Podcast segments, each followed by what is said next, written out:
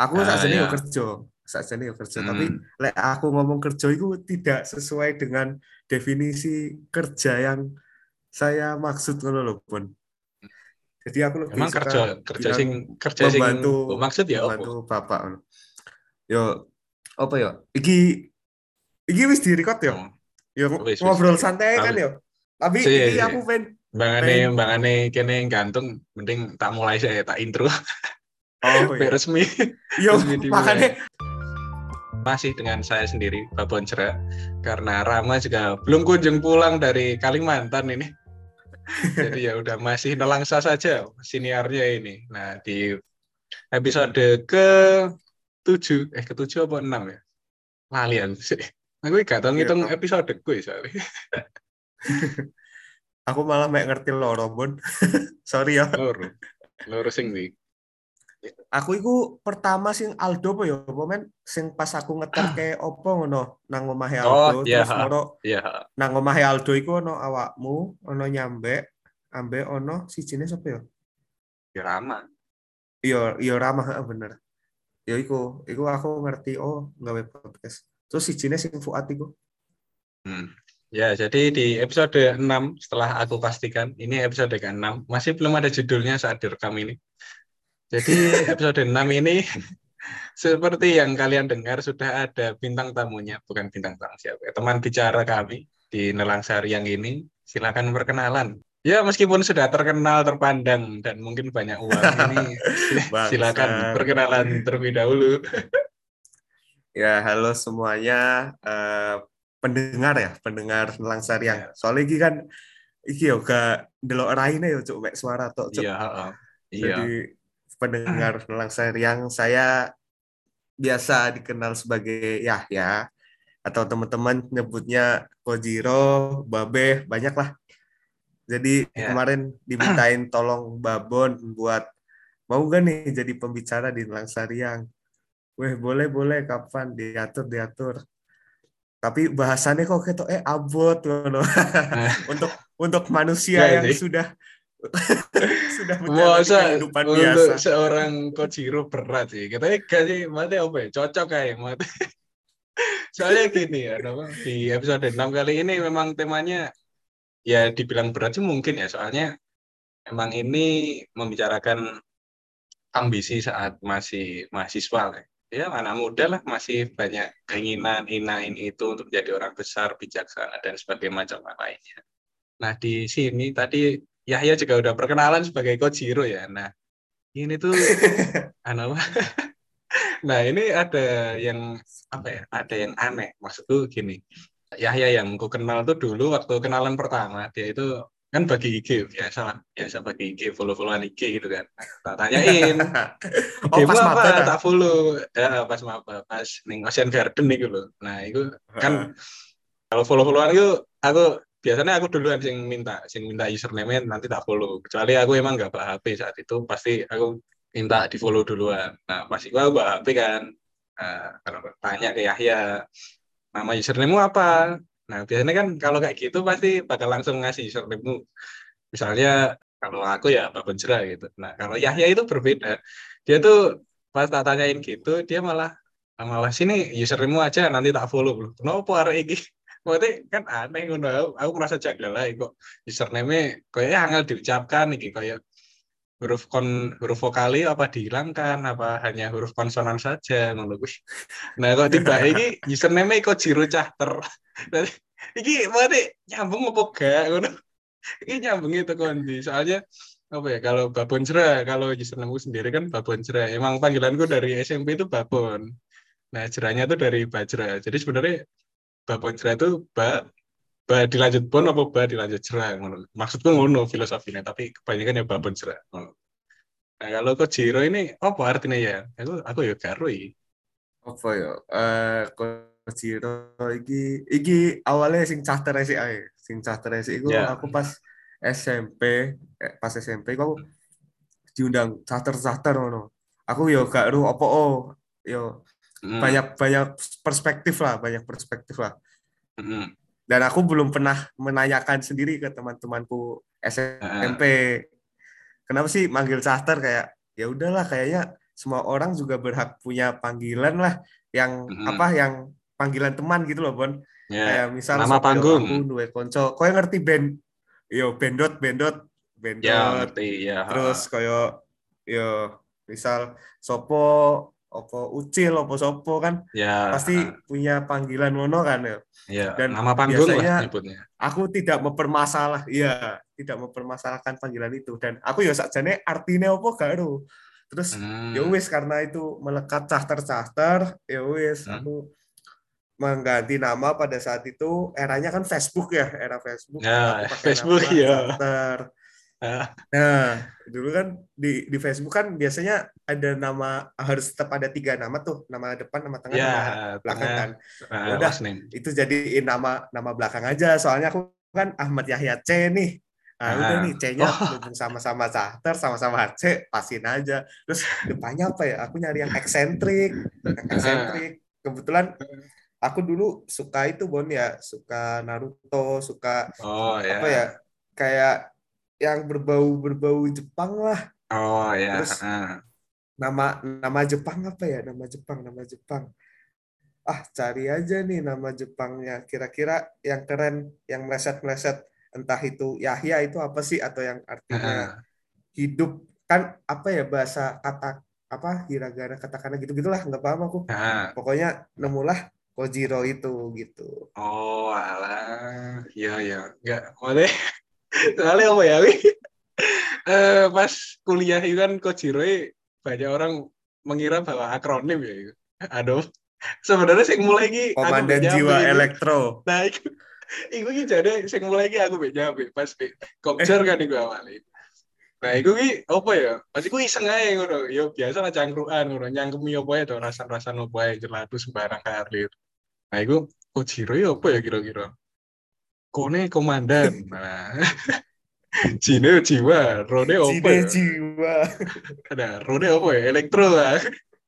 Nah kan kebetulan banget pasti Komjar kan lab yang biasa digawe nyangkruk kan maksudnya gak cuma nyangkruk ngobrol toh, tapi kadang juga berbagi tugas kerjasama ngono kan tugas bareng tugas turu lain bareng. pisan Nah, turu kono Nah, terus iku sak ngertiku sing pertama nyebarin ke khalayak luar Komjar ki Rifat pasti kan aduh ngomong gini Mbak Bila apa ya itu ya ada Kojiro komandan jiwa elektro? Ngono ki wais. Kemudian Mbak Sabila kan terkenal akan ya aduh penyebar Iya. luas informasi udah kok waduh ini wes Bila, gak Mbak handle mana iki karo nyambi. Jadi ya wes tiba Kojiro ki itu tadi aduh kenakalan masa remaja nah ini Kojiro ngono Ini- yang ingin ku tanyakan sebenarnya tentang nama ya tentang nama ini. Kojiro kenapa dihilangkan dari username IG Ter- terutama username IG soalnya aku ngerti ini cuma dari username IG kan ML-mu Yahya Cahter kan bentuk Kojiro iya gak sih?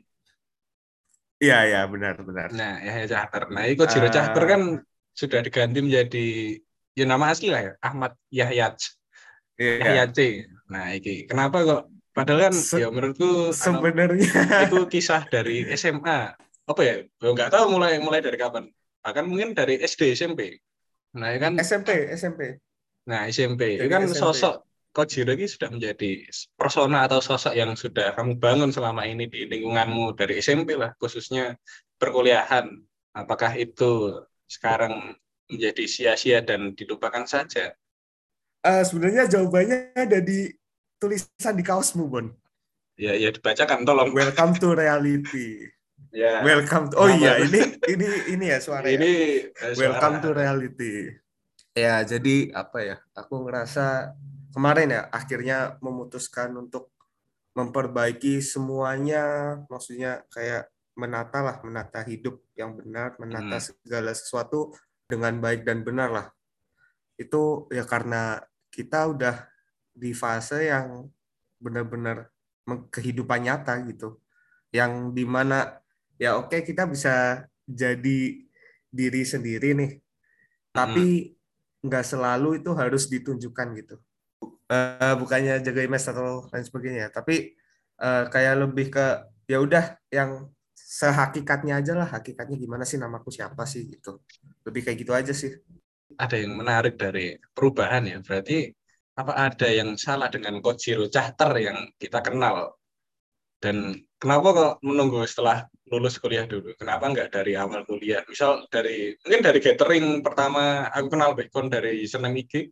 Kan saya hmm. yang gue tak follow tulisan username musik. Kan apa ya namanya itu udah dari SMP, SMP ke SMP ke kuliah kan hitungannya enam tahun udah setengah lustrum itu. Bon, 10 nah, tahun iya kan? gitu ya. Nah, 10, 10 tahun, tahun no. satu dekade kan. Itu menyimpan iya, banyak sekali setengah. cerita.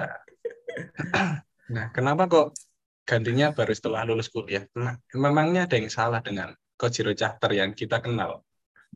Bukan masalah habis kuliahnya sih, Bon. Lebih tepatnya balik ke aku menemukan sebuah momen di mana wah, aku udah menghadapi kehidupan nyata, cuy. Udah ke menghadapi real life, bukan lagi kehidupan yang penuh idealisme, penuh apa yang aku impikan, apa yang aku cita-citakan, tapi udah banyak hal-hal yang harus aku pikirkan sampai uh, pada waktu itu tuh aku off semuanya aku maksudnya sebelum akhirnya aku memutuskan untuk menata ulang lah ya. Aku jatuhnya sekarang hmm. sedang menata ulang lah, memperbaiki semua, yeah. termasuk habit segala macamnya lah. Semuanya aku hmm. tata ulang mana yang baik, mana yang benar. Aku apa masukkan ke diriku gitu. Udah bukan ke apa yang aku suka gitu. Nah itu ada satu momen di mana aku menyadari terus aku oh kayaknya aku harus kalau Aldo bilang tuh harus mematahkan apa ya sebuah rantai yang membuat kamu terulang terulang terulang di situ terus gitu bang akhirnya aku waktu itu off off nih off semuanya. Itu waktu kemarin tahun baru kebetulan pas momennya tuh pas tahun baru 2022 kemarin alhamdulillahnya. yeah. itu aku benar-benar aku offin semua semua sosmed semua apa ya istilahnya bahkan game karakter semua yang biasa aku lakukan seperti biasanya aku mencoba menata ulang aku konsep semua gitu. Itu sih lebih tepatnya aku menyadari ada momentum di hidupku aku menyadari wah it's real life man lek oleh ngerti ya maksudnya lek kon gak keberatan apa momentum momentum ini apa? Soalnya banyak dari teman-teman yang aku bicara dengannya ini tentang perubahan hidup ini enggak yang momentum besar kayak kon. Rata-rata aku aku sendiri pun aku sendiri pun untuk berubah ini ya akumulasi dari aksi-aksi yang sudah aku lakukan. Meskipun kecil-kecil tiba-tiba setelah aku sadari oh ternyata udah banyak ya kayak gitu. Bukan yang tiba-tiba dek dek langsung aku ingin berubah itu kayak kayak gak iso aja. Ibaratnya gini kalau aku analogiin ya kalau semisal orang ada yang orang berhenti merokok itu kan ada dua yang dia perlahan hmm. ngurang. Misal dari satu bungkus per hari dia pelan-pelan dari satu bungkus jadi dua hari, terus satu bungkus jadi tiga hari, empat hari, seminggu, dua minggu, bahkan sebulan seterusnya. Sedangkan aku lihat kamu yang sekarang tuh, kamu orang yang merokok tiba-tiba langsung berhenti. Uh, ini sih sebenarnya konsepnya sama kayak waktu aku aku SMA kan juga ini kan lah apa tahu lah yang namanya kenakalan lah namanya kenakalan. Yeah. habis itu aku tiba-tiba kenal yang namanya pembinaan terubah semua apa aku mendapatkan suatu sudut pandang baru suatu perspektif baru. Oh ya ini aku main disclaimer dulu boleh nggak bun? Kan yeah, yeah, ini buat penontonnya eh buat pendengarnya maupun semua. Maksudnya aku yeah. di sini pengennya sebenarnya podcast nggak pengen lama-lama biar banyak yang nonton. Soalnya kalau iya. kelamaan yeah. juga kan kayaknya penontonnya bosan. Terus sama aku minta maaf dulu kalau misal tidak bisa memenuhi ekspektasi uh, Babon ataupun Trama terkait apa yang diminta dan uh, aku cuma hanya ingin menge-share sebuah sudut pandang baru atau perspektif baru lah buat teman-teman dari apa yang saya rasakan itu. Okay. Jadi kan uh, dulu aku nakal banget lah saya waktu SMA nakal lah nakal. Terus aku kenal nih waktu kuliah namanya pembinaan namanya wah ternyata ngapain sih? Aku jauh-jauh coy dari Jogja tiba-tiba disuruh botak dimarah-marahin disuruh lari cuk waktu itu kan waktu mas yeah. disuruh lari. Terus itu kan berubah berubah pola semuanya tuh. Dan ternyata kemarin setelah aku lulus aku menyelesaikan apa urusan BEM urusan akademik dan lain sebagainya terus pindah pulang aku juga ternyata mendapatkan lagi momentum lagi. Ternyata kehidupan asli itu beda loh sama kehidupan kuliah. Ternyata yang dipikirin tuh banyak banget loh. Bukan cuma kamu belajar kamu gimana organisasimu gimana ini tapi semuanya. Kamu punya keluarga punya pekerjaan punya cita-citamu idealismu. Terus nanti pun kamu punya keluargamu sendiri maksudnya anak istrimu. Kamu nanti mengurusi banyak hal apa banyak banget hal yang belum kamu pikirin pas kuliah gitu. Dan itu terjadi ketika selesai dari kuliah itu makanya kemarin suatu momen aku pulang kan aku pulang. Terus kan biasalah namanya teman kangen ya telepon yeah. terus atau ngechat. Hmm.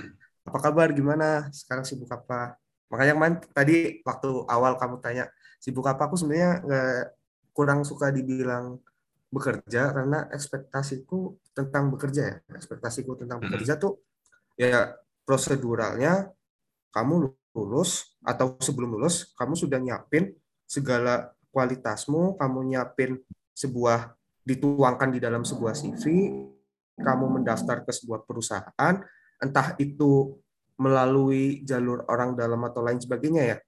Tapi kamu melalui tes dulu, terus kamu ngeplay ngeplay pekerjaan itu tuh sesuai atau suka dengan hmm. apa yang kamu mau dan sesuai dengan ekspektasimu. Yeah. Nah, ternyata uh, waktu saya bekerja kan aku uh, mantu bapak Nah, itu jauh sangat jauh di luar dari ekspektasiku di mana yang ekspektasiku bekerja mungkin kurang lebih kayak Irfan, kayak Aldo, kayak Rama, kayak Kon mungkin ya yang lebih ke maksudku field lebih Apaan? ke field engineering ya site iya, engineering gitu ke operator gitu-gitu. Ternyata enggak, ternyata aku lebih ke office-nya, lebih ke gimana cara ngatas oh. klien, gimana tender, gimana project-project ini lebih ke apa ya istilahnya ekspektasiku tuh belum belum yang sampai sejauh itu tapi aku sudah di oh. posisi yang sejauh itu gitu. Ya ya ya.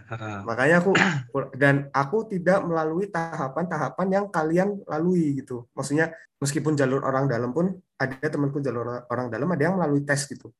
Ada yang tetap ya. melalui tes ada yang tetap melalui wawancara. Nah, gitu. sih, potong potong sih ya potong sih oke oke. Ini menarik juga untuk aku tambahkan informasi sebenarnya jalur orang dalam itu seperti apa. Ya setahuku ya setahuku setelah menjalani registrasi untuk masuk kerja gini seleksi seleksi lah ya open recruitment gitu.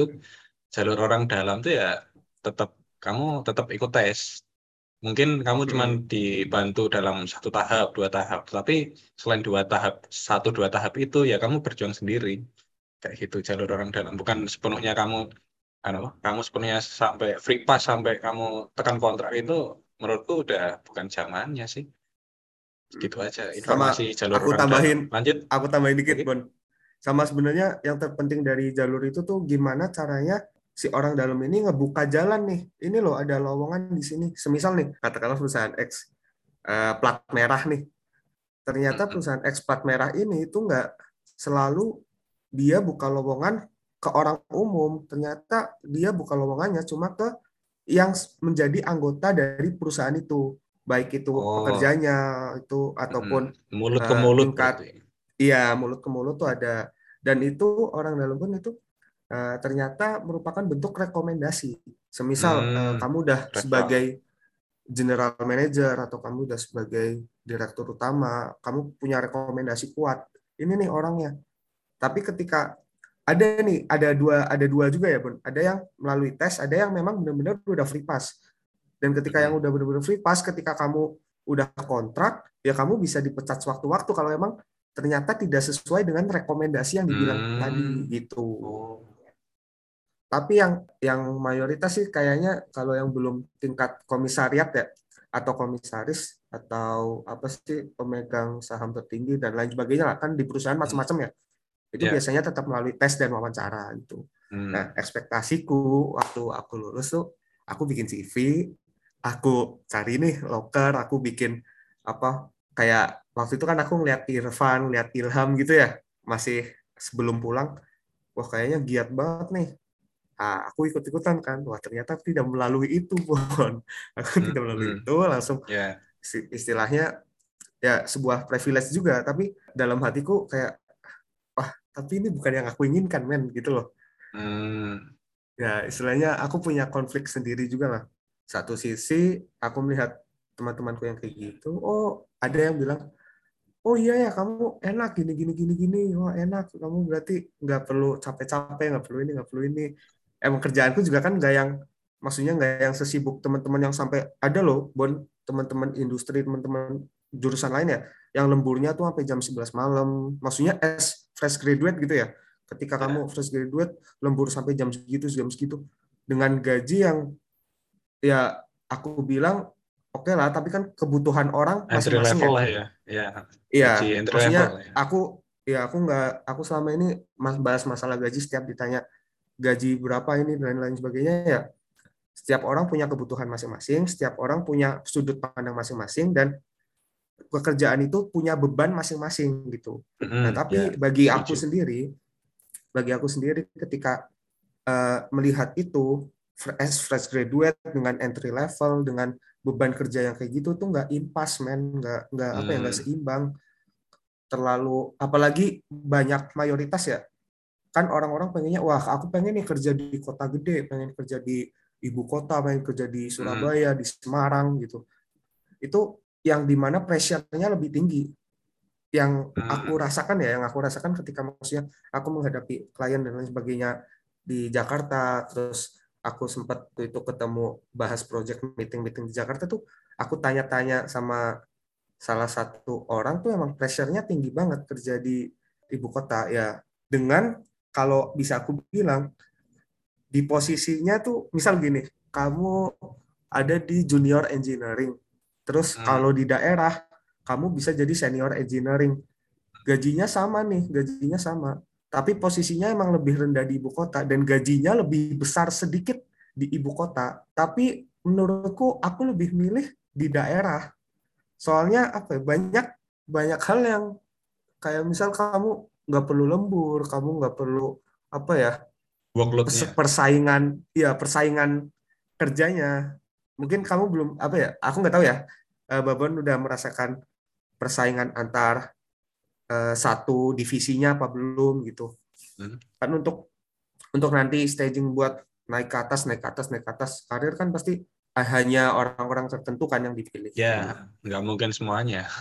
Main aku merasa wah ini nggak sesuai nih sama ekspektasi aku. Terus hmm. tapi orang-orang ya udahlah aku kan syukurin aja dan oleh karena itu aku lebih suka disebut aku bantuin bapak gitu. Terus tentang keluarga maksudnya aku nih yang selama ini apa ya nggak pernah kalau ke orang tua tuh ya nggak pernah yang selalu deket gitu loh kemarin aku merasakan momen aku wah aku bisa nganterin ibuku bisa nganterin bapakku hmm. kan bapakku oh, iya. kebet ya bisa nganter nganterin bapakku bisa apa ngajak makan bapak ibuku bisa apa ya istilahnya serve lebih lah ya, aku bisa berbakti melayani berbakti. lebih ya bisa berbakti yang selama ini aku rasa wah anjing gue 22 tahun ke mana aja cok bangsat aku ngurusin BEM ngurusin BEM nggak pernah pulang terus liburan jalan-jalan nggak pernah ini nggak pernah apa ya ya oke okay, aku tetap telepon orang tua tetap tanyain hmm. kabar hmm. tapi nggak pernah yang aku melakukan hal-hal detail hal-hal kecil yang aku lakukan sekarang gitu aku kayak hmm. wah ternyata kehidupan tuh gini dan uh, dulu tuh ah, ini ada hal yang asik nih Bon. Dulu tuh Ilham sama Fuad tuh pernah bilang waktu aku di akhir periode BEM ya. Udah udah lulus juga kan? Udah sidang. Udah ya, udah ya udah kompre. Lanjut. Udah ya kon itu nggak usah mikir-mikir terlalu apa ya berat tentang nanti teknik ke depannya gimana, nanti perpindahan offline apa online ke offline gimana. Dulu tuh aku mikir keras tuh sampai yang hmm ini adik-adik nanti gimana nih nanti ini gimana nih nanti KKM gimana hmm. nih nanti program gimana nih Ilham hmm. bilang sama Ilham sama Fuad ya bilang udah loh aku loh sekarang fokusnya ke teman-temanku yang di Dewan Daru ke orang-orang yang di Dewan Daru ya soalnya hmm. nantinya pun ya bakal kelihatan tapi aku menghiraukan hal itu Bon aku menghiraukan hmm. kayak aku aku terima nih aku terima sebagai masukan oh iya oke okay, oke okay. hmm. tapi aku nggak apa ya hanya aku terima aja nggak aku pertimbangkan gitu. Yeah. Wah dan ternyata benar cuy. Maksudnya setelah lulus ya udah semua orang punya kehidupan masing-masing, punya keluarga hmm. masing-masing, punya apa ya? Ya sendiri-sendiri lah. kemarin aja hitungannya aku seneng loh seneng ada ponsel ada terus Hmm. kemarin ngelihat kalian nongkrong tuh bareng tuh wah masih Mhm. ada nih masih ada kesempatan teman-teman ngumpul ah, masih ada momen asik gitu ya itu kayak wah anjing itu langsung habis itu kan aku muhasabah diri ya bahasa Ya. bahasa kan awakmu yo arek rohis sih sana Iya. Aku- wis purna, wis purna. aku Lanjut. muhasabah diri aku muhasabah diri sisan terus aku apa ya memperdalam agama juga sekarang Hmm. dalam agama yang dulu maksudnya kayak sholat lima waktu tuh nggak selalu on time sekarang Hmm. berusaha buat on time terus yang selalu buat bangun tengah malam bangun baca apa buat baca Quran dan lain sebagainya. Wah ternyata hidup tuh jauh dari kata idealisku tuh anjing. Maksudnya Hmm. aku dulu mikir punya kehidupan yang wah terstruktur nih. Aku habis ini kerja aku habis ini cita-citaku ini udah aku planning A B C D. Hmm. itu semua hancur cok. Sumpah itu semua tuh gak ada gunanya. Sampai wah ini juga uh, salah satu momen nih. Salah satu momen Hmm. kemarin tepat kemarin nih tepat kemarin aku ngeliat storynya Mbak Kintani. Itu Hmm. kata-katanya bagus. Dia ngambil dari nanti kita sambat tentang hari ini. Itu buat apa kerja terus? Yo lek umurmu dowo maksudnya kamu sehari-hari nih kamu gunain buat kerja terus buat kerja terus. Ya iya kalau umurmu panjang. Kalau kamu mati sudahkah kamu berbuat lebih? Sudahkah kamu berbuat untuk orang tuamu? Maksudnya Hmm. ya semua semua orang tua pengen anaknya sukses. Semua orang semua orang tua tapi pengen melihat anaknya wah karirnya bagus ini itu tapi yang aku lihat ternyata dari bapak ibuku ya kebetulan kan bapakku juga sekarang kena diabetes bon kena Hmm. diabetes yang kayak harus sebulan sekali kontrol ke dokter harus ke Jogja aku anterin gitu Oh, ya. dan aku tuh aku dulu ngelihat kon tahu nggak yang di PUBG yang orang kalau misal ngehil tuh nyuntikin ke Nah. diri sendiri tuh Oh ya. aku kira itu Ah, dulu ya. kan kayak sebuah hal khayal gitu ya masa ada sih Ya. orang nyuntik dirinya sendiri nah itu bapakku sampai yang dia nyuntikin insulin ke diri sendiri gitu Hmm. buat itu dan itu kayak wah anjing itu bener-bener ngebuka aku banget buat wah ini Hmm. realita cuy aku nggak cuma aku bisa nih misal kerja ke mana ke mana ke mana ke mana. Bisa aku ngambil project ini project ini project ini. Aku ambil aku ambil. Tapi kayak wah ada keluarga yang aku harus pikirin. Ada nanti masa Hmm. depanku apa calon istriku dan lain sebagainya. Gimana gimana gimana. Dan itu nggak ada nggak ada di pelajaran kuliah tuh nggak ada cok. Di bem pun nggak Hmm. ada anjing. Di bem tuh ya udah kita belajar bermasyarakat belajar ngomong sama orang. Buat misal kayak aku sekarang ngadepin klien presentasi ke klien Hmm. gitu ya udah itu doang Hmm. makanya sekarang aku berusaha buat muhasabah diri buat berusaha aku tetap penginku pengen merasakan pengalaman sebagai operator pengen merasakan kerja lapangan tetap aku berusaha Hmm. kira-kira ada nggak nih perusahaan yang di khusus nih operator bener-bener operator gitu aku berusaha ngeplay ke situ soalnya emang aku bosan aja bosan tidak apa ya di kerja kantor. tapi nggak iya iya kamu kerja tapi bukan sesuai ekspektasimu cuy gimana sih ya Jadi lu Hmm. kamu ngejalanin yang ya ka- kamu bisa kamu ini. mampu iya konflik batin itu sih makanya kemarin dan aku kan sempat ini juga ya Bon sempat apa ikut nyoba yang Apa? masalah perpolitikan dan lain sebagainya ya itu yang salah Hmm. satu yang ngebuat oh nggak bisa nih nama nama Kojiro nih nggak bisa dipakai gitu kayak Hmm. harus ya udah kayak kan nggak mungkin kalau aku jadi presiden namanya Ed Kojiro kan nggak mungkin nggak sih Ya. Heeh. itu salah satunya juga ternyata di dunia politikan tuh banyak yang harus dipersiapkan juga itu pun di dunia Hmm. bisnis gitu. Berarti ini Kojiro sudah punah atau bagaimana? Eh, kalau Yuda bilang sih udah meninggal ya Wis Iya. resmi legenda ini.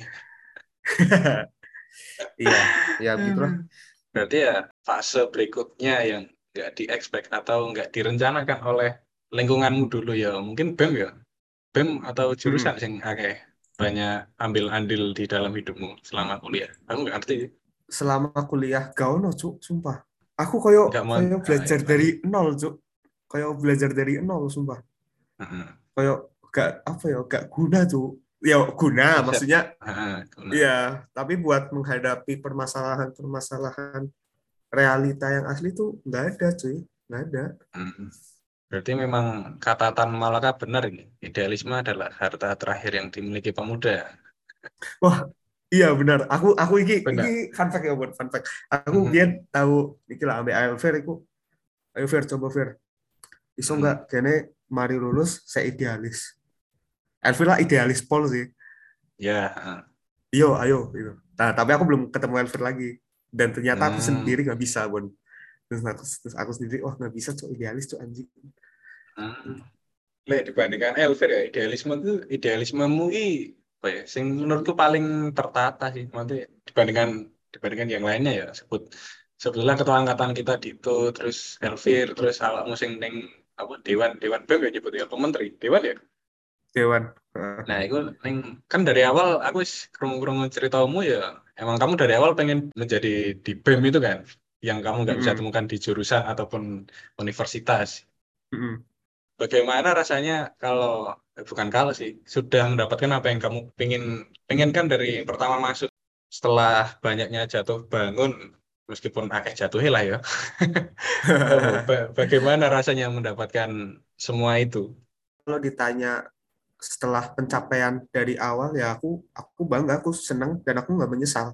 Hmm, Karena itu yang aku cita-citakan dulu, dan itu Mm-mm. kesampaian gitu. Perkara setelahnya nggak kepake, apa nggak guna, ya ya udah, ya udah. Yang penting kan ke- ke- dulu aku punya cita-cita kayak gitu. Aku punya sebuah pertanyaan yang belum bisa kejawab kalau aku belum bisa jadi dewan. ya. Dan ketika aku sudah jadi dewan, ternyata pertanyaannya kejawab, ekspektasiku Oh. kejawab. Ya Hmm. ya sudah. Perkara setelahnya kayak gimana? Yaitu manusia cuma bisa berencana dan cuma bisa berusaha. Perkara Hmm. apa ya takdirnya gimana ya Tuhan udah.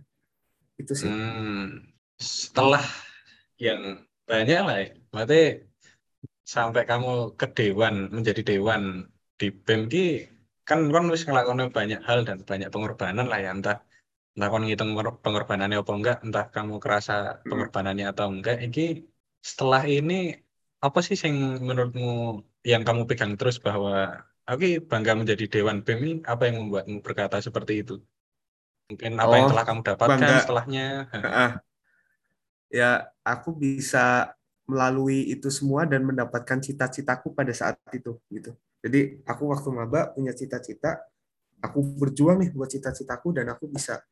Dan sekarang aku ngeriset itu semua di riset pagi, aku punya cita-cita baru punya itu semua. Kalau misal aku lagi down lagi itu ya aku tinggal lihat Hmm. itu loh aku lo bisa bisa jadi dewan. Bisa ngelaluin masalah-masalah yang dulu. Kenapa sekarang nggak bisa gitu. Meskipun sekarang mungkin let's say bisa lebih berat bisa Hmm. lebih rumit gitu. Itu sih. Tapi kan beda ya, maksudnya dulu ini kan masih idealisme, masih penuh dengan idealisme. Ya anak muda lah, sedangkan Hmm. sekarang welcome to reality. Let's say welcome to reality. Apakah kamu masih menggunakan cara yang sama seperti dahulu? Apakah kamu mempunyai target yang sebesar dahulu apa bagaimana? kalau target Soalnya gini, lebih- soalnya gini, Iya. aku penasaran karena ya aku rakyat jelata lah di jurusan ini. Berarti apa ya? Sem- Semua semua berjalan melenceng entah entah kenapa aku bisa menjadi anu apa? Core lab di di Komjar terus aku iso jadi Kadif Medkominfo tidak pada waktunya dan sebagainya macam lainnya. Oh, benar-benar yes, seperti air, air mengalir aja. Enggak enggak sing kaya sing aku udah menargetkan ini dari awal, maka aku harus mendapatkannya. Aku ingin dipatahkan realita seperti itu. kalau apa ya target jelas lebih besar ya buat cita-cita dan target jelas lebih besar tapi ada yang berubah yang berubah aku skala prioritas sama eh, tingkat urgensi itu sih yang aku Hmm. rubah kayak aku sekarang lebih orangnya lebih ke keluarga dulu nih bapak bapak ibuku dulu nih yang aku utamain. Hmm.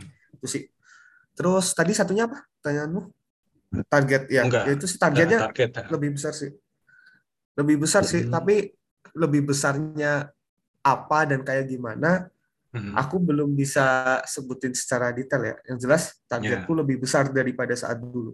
Kenapa lebih besar ya? Soalnya manusia nggak pernah puas manusia berkembang terus pasti punya target yang lebih besar. Terus ini juga masih di idealisme ya, soalnya apa ya aku juga merasakan sih idealisme idealisme ini penting tapi kayak kena gak wayahe ngono ya. Iya apa ya? iya benar benar le le gak ono idealisme iki kok sepo urip iki. Lah aku Iya, ngarani iya. ngono. Berarti ya urip ngono-ngono ae, berarti ya seneng sih seneng menjalani ya menjalani tanpa tanpa beban ya tapi kayak Mm. apa ya kenapa kok enak zaman pas gue idealisme ngono kayak apa ya perkataannya Hoki dan Tan Malakai kalau digabungkan menurutku ya, ya benar sih bahwa menjadi tua tanpa idealisme adalah nasib tersial kayak ya pergolakan batin lah kayak awakmu rasanya ya wis kerja kerja tapi aneh aja rasanya. Seneng sih seneng tapi ada yang janggal ngono kuwi Lek lek awakmu ya apa Bon? Maksudnya sudah sesuai ekspektasimu nggak? Apa ya apa? Sesuai sih sesuai sesuai. Apa apa nih gimana apa nih Eh, kehidupanmu sekarang. Sesuai dengan yang kamu Kehidupan. rencanakan pas mau lulus nggak? Kan tiap orang pasti punya bayangan nih, wah nanti aku kalau habis lulus kayak gini, kayak gini, kayak gini, kayak gini. ya sesuai sih tapi apa ya kayak sesuai tetapi ternyata belum bisa memuaskan secara penuh ya. Kayak apa ya Hmm, kurang ada yang kurang gitu tapi aku masih nggak tahu Ki.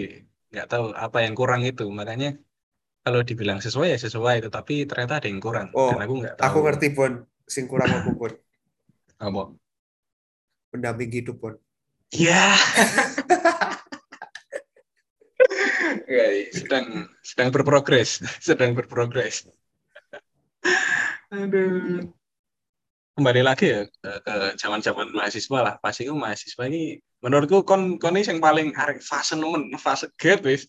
Kayak apa ya soalnya sing ngandani event jurusan anu eh, acara-acara jurusan EDP ponsel terus tryout terus mari ku mari ku mari ku ya probin ya? Mari ku probin kan? Ya Provin. ya itu kayak apa ya? Ya saya melakukan hal itu karena ya acaranya kita seru gitu tapi sing ngandani aku perkara hal-hal itu ada maksud tertentu maksud dan tujuan tertentu. Misal EDP itu untuk angkatan kita tahu bahwa rumah kita itu seperti apa ponsel itu agar kita tahu penghuninya seperti apa. Tryout ini menyiapkan untuk penghuni baru. Terus Probin Maba ini melatih penghuni baru agar agar ya bisa dikaderisasi ngono kan nah ini kenapa kok dulu sangat terikat dengan fase itu kayak apa ya kalau aku sendiri ya ya wis free free flow ngono Hmm, aku sih lebih ke aku belajar tahu tempat Bon. Kalau bagi aku ya. Mm. Mm. tahu tempat, tahu tahapan. Soalnya ketika kamu hidup ya kamu lahir nggak bisa langsung lari, cok, nggak bisa langsung apa namanya, langsung ngomong, nggak bisa. Kamu Mm. pasti belajar dulu, belajar dulu. Itu sih sesimpel itu, Mm. sesimpel apa ya? Kalau nggak tahu ya tanya yang sama yang tahu. Kalau nggak Hmm. bisa ya minta diajarin sama yang bisa, yang sudah ngelewatin. Soalnya ya semua orang nih sama, Cok. Semua orang nih sama. Yang beda tuh cuma pengalamannya doang. Dan yang Hmm. kenapa pengalamannya beda ya karena dia lahir lebih dulu. Mm. Dia lahir lebih dulu, dia punya masalah Hmm. lebih dulu, dia punya bisa belajar dari kesalahan lebih dulu. Ya kita yang terlahir setelahnya. Kita yang lahir setelahnya, ya kalau bisa mengambil hikmahnya dong. Kalau bisa belajar dari dia Hmm. Ya itu fase, sesimpel itu fase. Terus setelah ini fasenya apa menurutmu yang tidak direncanakan?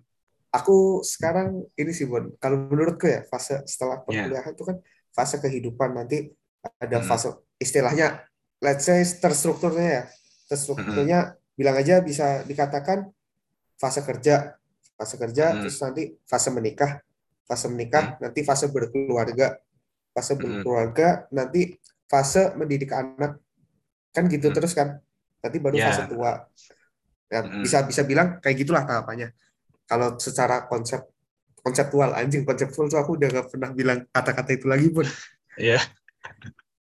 Iya, udah Ya, gawe eling makanya coba eh aku tuh terakhir ya biasalah adik-adik minta ngobrol minta zoom. Ya kalau aku Hmm. bisa aku bisa. Tapi aku udah nggak yang sekeras yang dulu gitu loh. Udah nggak yang Ya. apa udah udah kan ada buku yang seni bersikap bodoh amat gitu Aku malah Ya. lebih bodoh amat dari itu anjing. Hmm. Tapi Oh, no, oh, no, aku menemukan aku menemukan kutipan pagi ini pagi ini Oh. pagi ini teman apa ya jiwa kebapaan sudah sudah muncul ketika kamu menanggapi semua hal itu dengan santai-santai wae.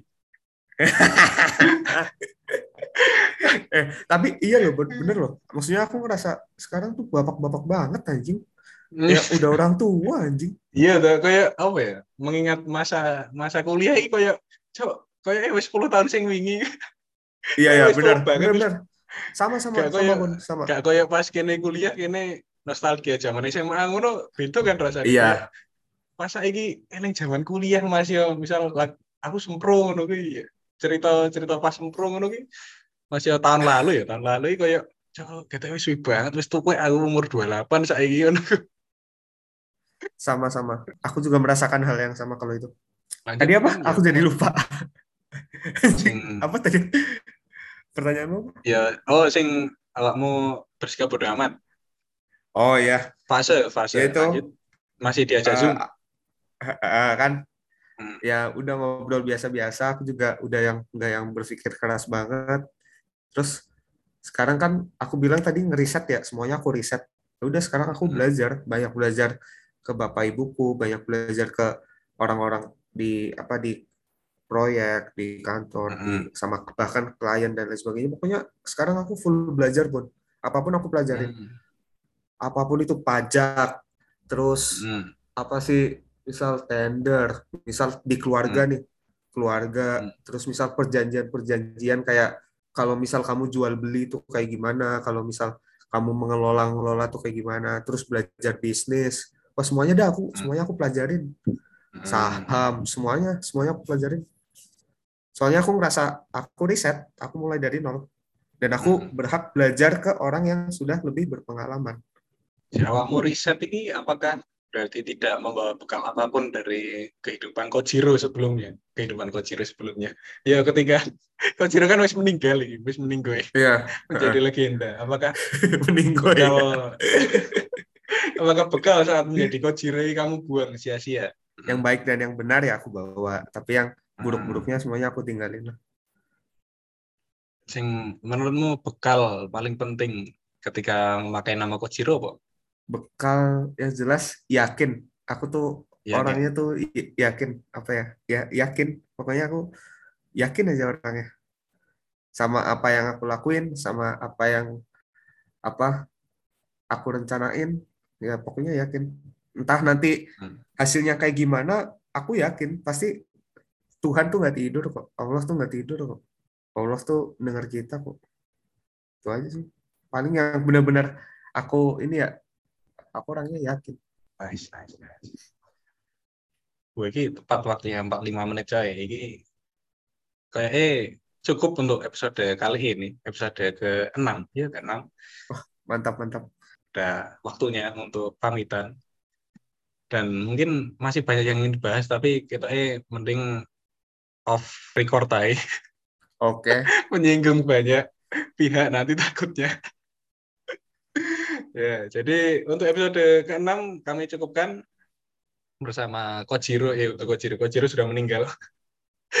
bersama Ahmad Yahya. Ada pesan Yahya? Sat- satu aja satu aja Hmm, berusahalah jadi manusia yang baik dan benar itu aja hmm. Ya. Terima kasih telah mendengarkan siniar Nelangsa yang meskipun Rama masih hilang dan sekarang siniarnya cuma Nelangsa. ya, terima makasih kasih. Babon Ya, terima kasih Yahya Sudah telah datang diundang. di episode 6. Ya, kami cukupkan. Assalamualaikum warahmatullahi wabarakatuh. Salam damai rahayu. oke